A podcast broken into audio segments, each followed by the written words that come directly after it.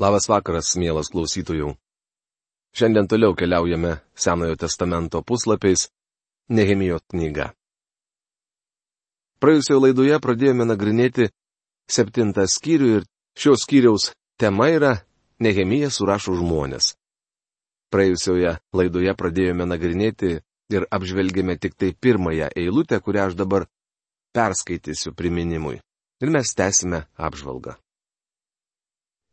Kai siena buvo atstatyta ir durys įstatytos, buvo paskirstytos užduotys vartininkams, giesmininkams ir levitams. Ir šios dienos eilutė.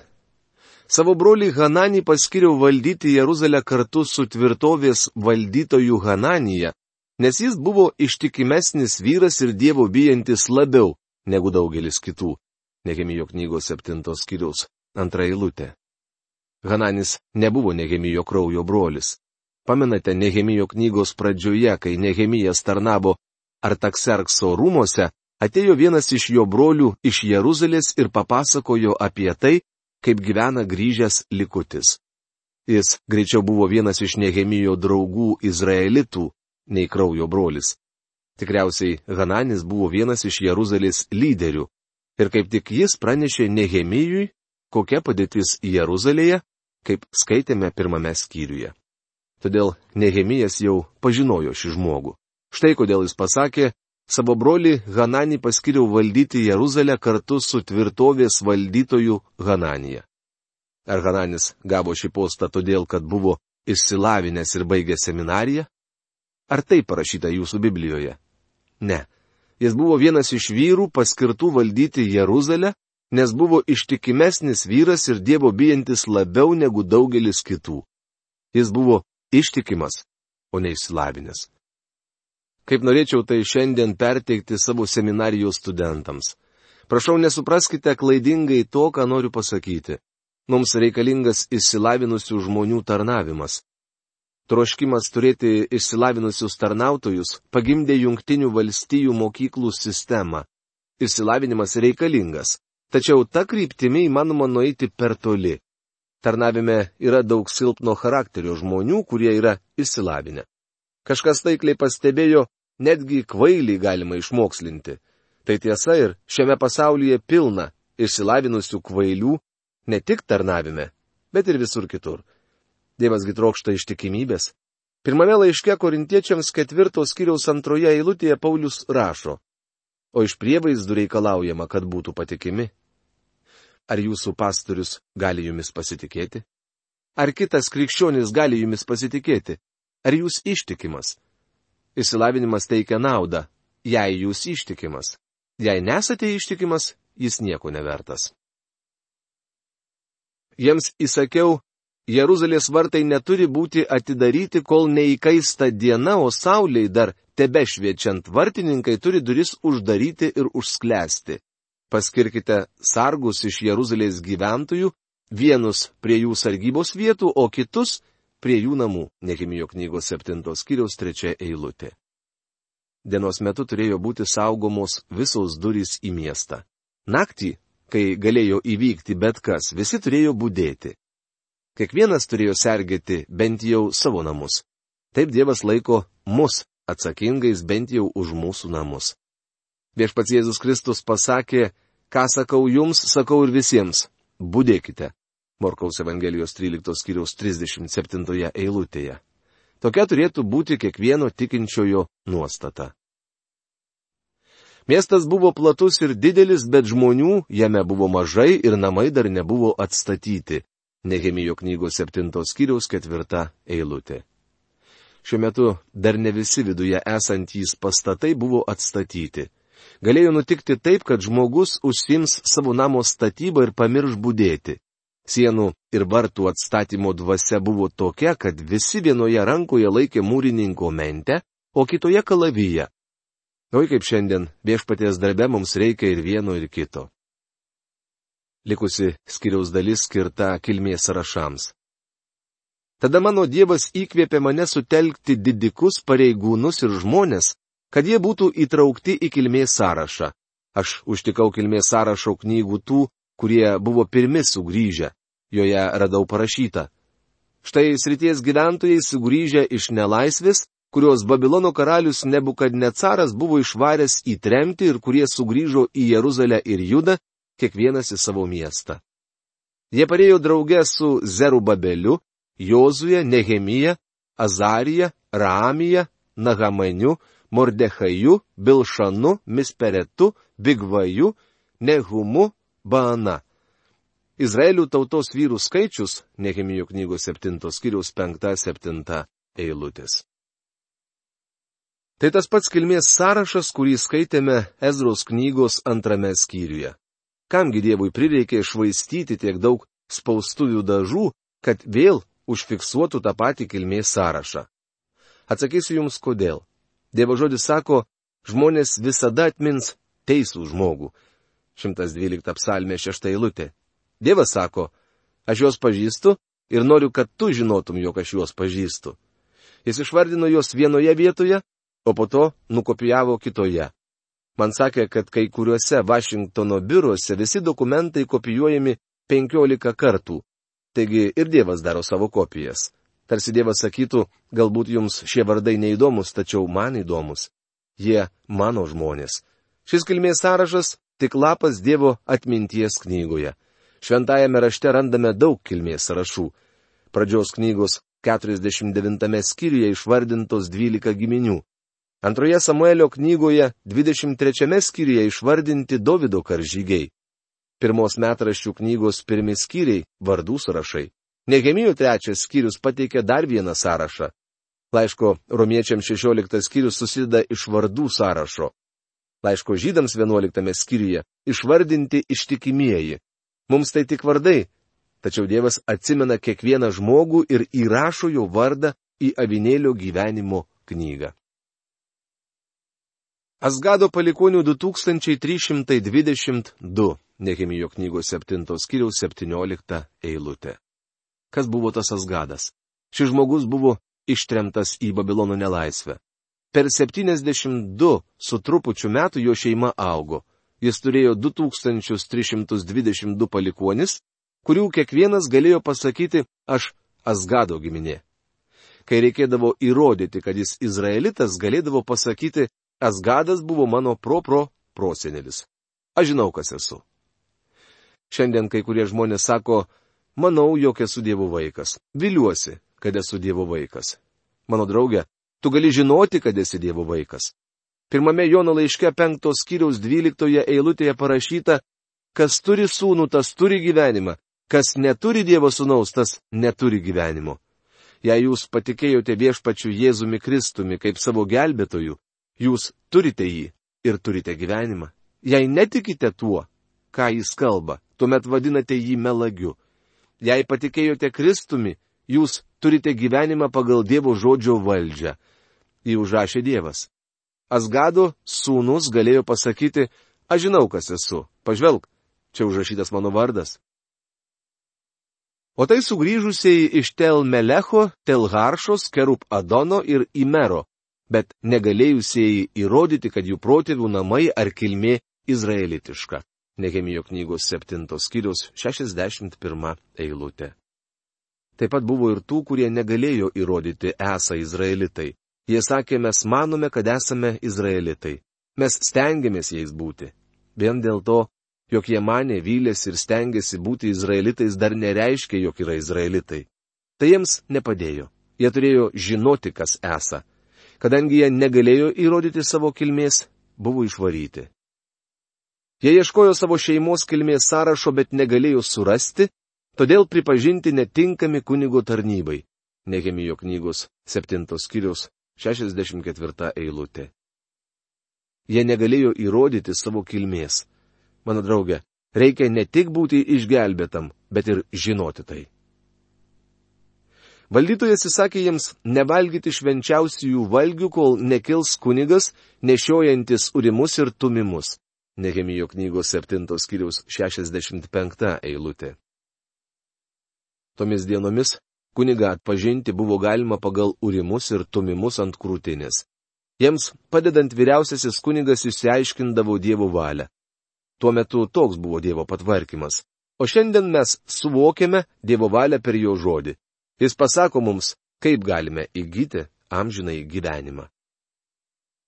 Kunigai, levitai, vartininkai, giesmininkai, šventyklos tarnai ir visas Izraelis apsigyveno savo miestuose. Atėjus septintam mėnesiui nuo Izraelitų įsukūrimo savo miestuose, Nehemijo knygos septintos skyriaus 73 eilutė. Tai paskutinioji skyriaus eilutė. Izraelio vaikai vėl sugrįžo į savo žemę. Vadovaujant Nehemijui buvo atliktas milžiniškas darbas. Tačiau jo darbas dar nebaigtas dar yra ką veikti. Nehemijo knygos aštuntas skyrius. Tema - didysis Biblijos skaitimas, kuriam vadovauja Ezra. Ankstesnėme skyriuje skaitėme apie tai, jog tinkamai pasiruošęs miesto sergėjimui, Nehemijas paskyrė giesmininkus. Jis troško, kad Jeruzalė būtų pilna viešpaties džiaugsmo. Vėliau jis vadovavo didžiajam Biblijos skaitimui, be kurio nebūtų prasidėjęs prabudimas. Visi žmonės susirinko į aikštę priešais vandens vartus. Jie paprašė raštininką Ezra pateikti Mozės įstatymo knygą, kurią viešpats buvo davęs Izraeliui. Nehemijo knygos 8 skyriaus 1 eilutė. Ezra paprašė pateikti Mozės įstatymo knygą. Netrukus prasidės didysis Biblijos skaitimas. Tad septinto mėnesio pirmą dieną kunigas Ezra pateikė įstatymą sueigai ir vyrams, ir moterims, ir visiems, kurie galėjo klausytis ir suprasti. Tai įvyko septinto mėnesio pirmą dieną. Negemijo knygos aštuntos skyriaus antra eilutė. Atkreipkite dėmesį, kad susirinko tie, kurie galėjo klausytis ir suprasti. Tai reiškia, jog kažkas prižiūrėjo verkiančius vaikus. Nežinau, galbūt juos prižiūrėjo Nehemijas, tačiau tam, kad susirinkusieji galėtų sutelkti visą savo dėmesį į tai, kas skaitoma, buvo tinkamai pasiruošta. Jis skaitė iš jos, atsigręžęs į aikštę prie vandens vartų, nuo aušros iki vidudienio ir vyrams, ir moterims, ir galėjusiems suprasti. Žmonės ausis ištempę klausėsi įstatymų knygos. Nehemijo knygos 8 skyriaus 3 eilutė. Nežinau, kur galėčiau rasti tokią bendruomenę, kuri klausytųsi, kaip skaitau Bibliją nuo aušros iki vidudienio. Man sunku jų dėmesį išlaikyti net 45 minutės. Žmonių nuomonę apie savo pamokslus atsitiktinai sužinojau iš dviejų pagyvenusių moterėlių, kurių pokalbį nugirdau, kai vieną sekmadienio rytą jos ėjo iš bažnyčios. Viena tarė, o šis pamokslininkas tikrai ilgai pamokslauja, o draugė atsiliepė, ne, jis pamokslauja neilgai, tik atrodo, kad ilgai. Didžiai daliai žmonių 45 minučių pamokslai atrodo labai ilgi. Tačiau šie izraelitai, kurie susirinko klausyti Dievo žodžio, buvo labai susidomėję. 70 metų jie praleido nelaisvėje ir niekada anksčiau nebuvo girdėję Dievo žodžio.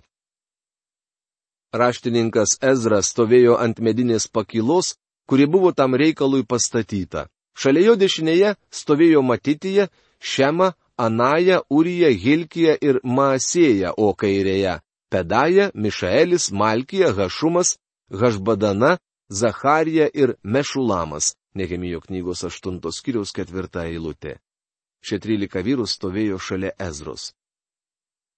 Ezra atskleidė knygą visų žmonių akise, nes stovėjo aukščiau už visus žmonės. Jam atvertus knygą visi žmonės atsistojo. Nehemijo knygos 8 skyriaus 5 eilutė. Kai Ezra atskleidė Dievo žodį, visi atsistojo ir stovėjo tol, kol Ezra skaitė. Klausydami nuo aušros iki vidudienio, žmonės nesėdėjo ant minkštų bažnyčios suolų. Visų pirma, jie pašlovino Dievą. Ezrai pašlovinus viešpatį, didingai Dievą žmonės atsakė Amen, Amen, iškeldami rankas.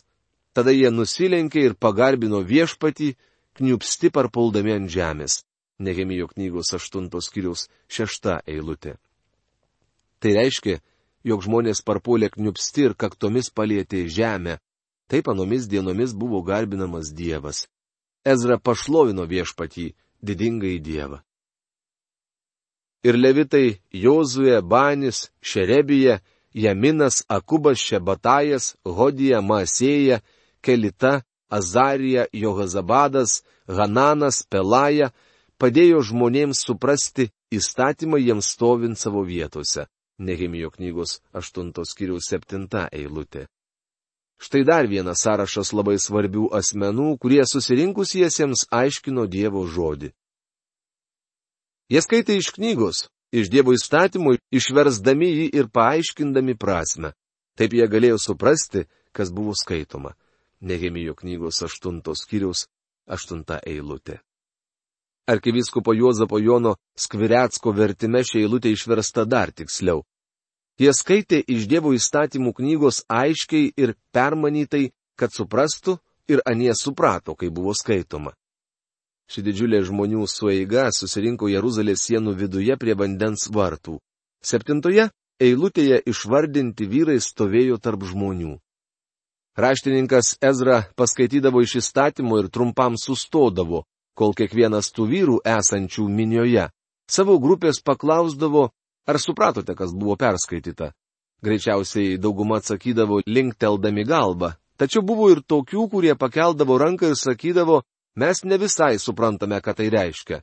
Tuomet tai grupiai paskirtas žmogus paaiškindavo jiems nesuprantamą vietą iš įstatymo. Vėliau Ezra perskaitydavo dar vieną įstatymo dalį ir vėl sustodavo, kad žmonės galėtų užduoti klausimus, o jų mokytojas atsakyti. Įdomu, kas būtų, jei šiandien bažnyčiose taip skaitytume Dievo žodį. Pavyzdžiui, kas nors atsistojęs skaitytų Dievo žodį, o minioje esantys specialiai paskirti žmonės atsakinėtų į klausimus, kylančius dėl perskaityto teksto. Tarkime, būtų skaitomas pirmasis laiško Efeziečiams skyrius. Vos tik pradėjus skaityti, iškiltų rimta problema. Laiško Efeziečiams pirmos skyriaus ketvirtoje eilutėje parašyta, mus išsirinkdamas jame prieš pasaulio sutverimą iš karto kiltų begalė klausimų. Ką Paulius to nori pasakyti? Ar jis moko išrinkimo doktrinos? O kas yra išrinkimo doktrina? Galbūt Biblijos skaitimas ir mūsų bažnyčias privestų prie prabudimo, kaip tai įvyko Nehemijo laikais. Skaitant įstatymą žmonės galėjo klausinėti ir gauti atsakymus į rūpimus klausimus. Tad jie pradėjo suprasti įstatymą. Aš manau, jog tokiu būdu reikėtų mokyti visos Biblijos ir kiekviena neiški eilutė privalo būti išaiškinta. Nesutinku, kai cituojama viena šventojo rašto vieta ir iš jos pamokslaujama Evangelija. Štai kodėl žmonės taip menkai domisi Dievo žodžiu. Negerai, kai įmamas tekstas ar tema, tuomet nuklystama į lankas ir jau nebegrįžtama prie rašto vietų, kad šios būtų išaiškintos. Esu įsitikinęs, jog Dievas nori, kad mes skaitytume Bibliją ir tuo pačiu ją aiškintume. Turiu galimybę pamokslauti daugelįje vietų ir esu girdėjęs, kaip įvairiai skaitoma šventasis raštas. Retkarčiais koks nors brolis atsistoja ir skaito žodį, jį ypatingai pabrėždamas. Jis skaito pagarbiai kaip Dievo žodį. Tačiau labai dažnai atsitinka taip, jog koks nors jaunuolis skaito nunarinės galvą arba vapą žodžius, o už trečios eilės jau niekas jo nebegirdi. Nehemijo 8 skyriaus 8 eilutėje parašyta, jog žodis buvo aiškiai skaitomas. Dievas norėjo, kad tai būtų skaitoma.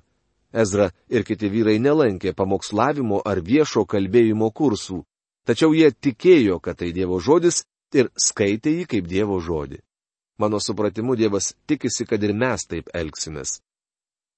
Visai nesvarbu, kaip garsiai gėda solistas arba maloniai groja vargonininkas, arba koks įmantrus pamokslas, jei Biblija nėra aiškiai skaitoma ir paaiškinama taip, kad žmonės suprastų, tarnavimas nieko vertas. Dievas trokšta, kad skaitant jo žodį, žmonės viską suprastų. Valdytojas Nehemijas, kunigas ir raštininkas Ezra ir Levitai, aiškindami žmonėms, sakė visiems, Ši diena šventa viešpačiui jūsų Dievui. Neliūdėkite ir neverkite.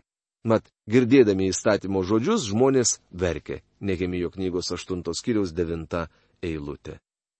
Daugelis žmonių niekada anksčiau nebuvo girdėję Dievo žodžio ir buvo apkaltinti dėl savo nuodėmių. Tai sukėlė tikrą emocijų protrūkį, o žmonės ėmė lėti atgailos ašaras. Gali būti, kad jie pravirko ir iš džiaugsmo, nes buvo labai sujaudinti.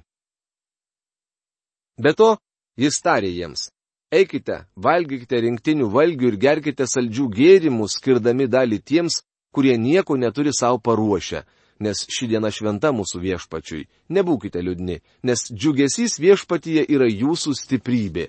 Nehemijo knygos 8 skyriaus 10 eilutė. Štai jums visuomeninis tarnavimas. Štai visuomeninė evangelija. Mano draugė, jei Dievo žodis jums ką nors reiškia, tuomet norėsite ir kitiems ką nors gero padaryti ir Dievui tarnauti. Tikriausiai žinote istoriją apie skautų berniuką, kuris padarė gerą darbą, padėdamas senai moteriškiai pereiti gatvę. Sakoma, jog vienuose senelių namuose kažkas atrado naujus vitaminus, kurie buvo tokie veiksmingi, jog senoji moteriškė padėjo pereiti gatvę dviems skautų berniukams. Mano draugė, sakau jums, Dievo žodis yra vitaminas, kuris privers jūs kitam padaryti paslaugą. Skirdami dalį tiems, kurie nieko neturi savo paruošę. Izraelitai turėjo padėti vargšams. Nebūkite liūdni. Jie turėjo džiaugtis, nes džiaugsmas viešpatyje buvo jų stiprybė. Laiške Filipiečiams ketvirtos kiriaus 13 eilutėje Paulius tikintiesiems rašė, Aš visą galiu tame, kuris mane stiprina. O Filipiečiams ketvirtos kiriaus ketvirtoje eilutėje ragino. Visuomet džiaukitės viešpatyje ir vėl kartoju džiaukitės. Paulius tikinčiuosius mokė, kad jėgos šaltinis yra džiaugsmas. Jėgos paslaptis malda, o šaltinis džiaugsmas. Dievo žodis turi teikti jums džiaugsmą. Tai viena iš priežasčių, kodėl manau, jog negerai, kai bažnyčios tarnavimas nepradžiugina ir nepalaimina širdies.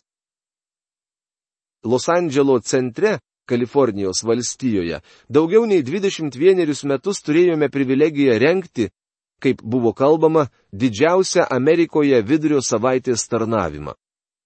Į paskaitą susirinkdavo nuo 1500 iki 2500 žmonių.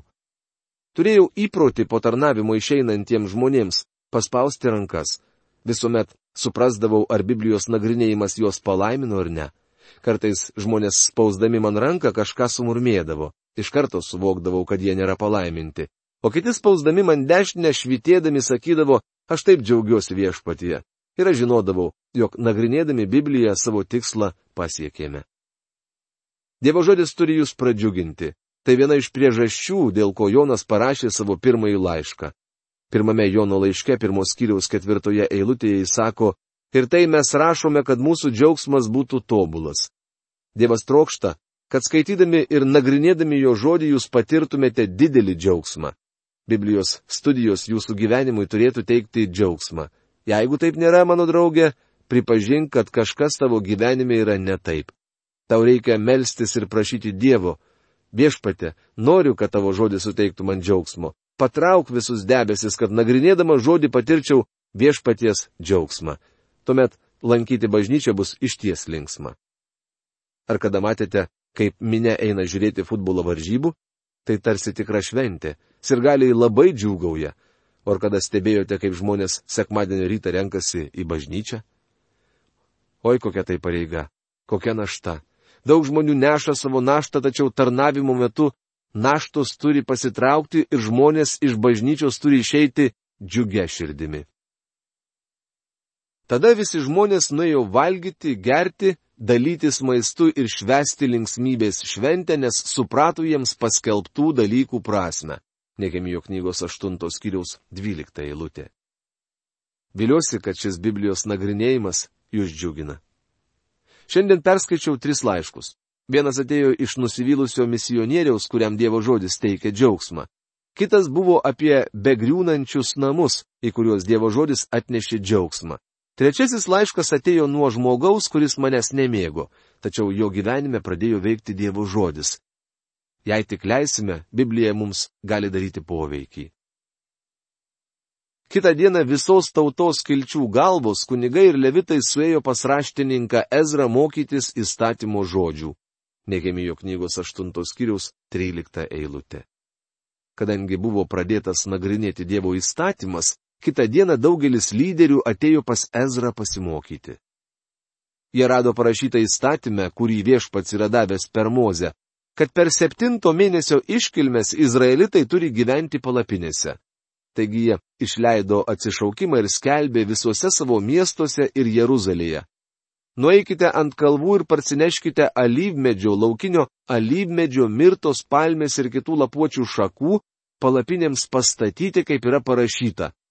Žmonės išėjo ir parsinešę pasistatė palapinės ant namų stogų, kiemuose, Dievo namų kiemuose, vandens vartų aikštėje ir prie Efraimo vartų. Nehemijo knygos 8 skyriaus 14-16 eilutės. Tai palapinių šventė. Gyvenimas palapinėse turėjo priminti tėvišką Dievo rūpestį ir apsaugą, kai Izraelis keliavo iš Egipto į Kananą. Nehemijo dienomis žydai pakluso įstatymui. Jie išgirdo Dievo žodį ir pasielgė pagal jį. Bičiuliai, skaityti ir nagrinėti Bibliją dar ne viskas, nes džiaugsmas išblės, jei nepaklusite tam, ką skaitote ir neleisite Dievo žodžių jumise veikti. Kitame skyriuje sužinosime, kad šis didysis Biblijos skaitimas baigėsi prabudimu. O šios dienos laidą baigiame. Iki malonaus sustikimo. Sudė.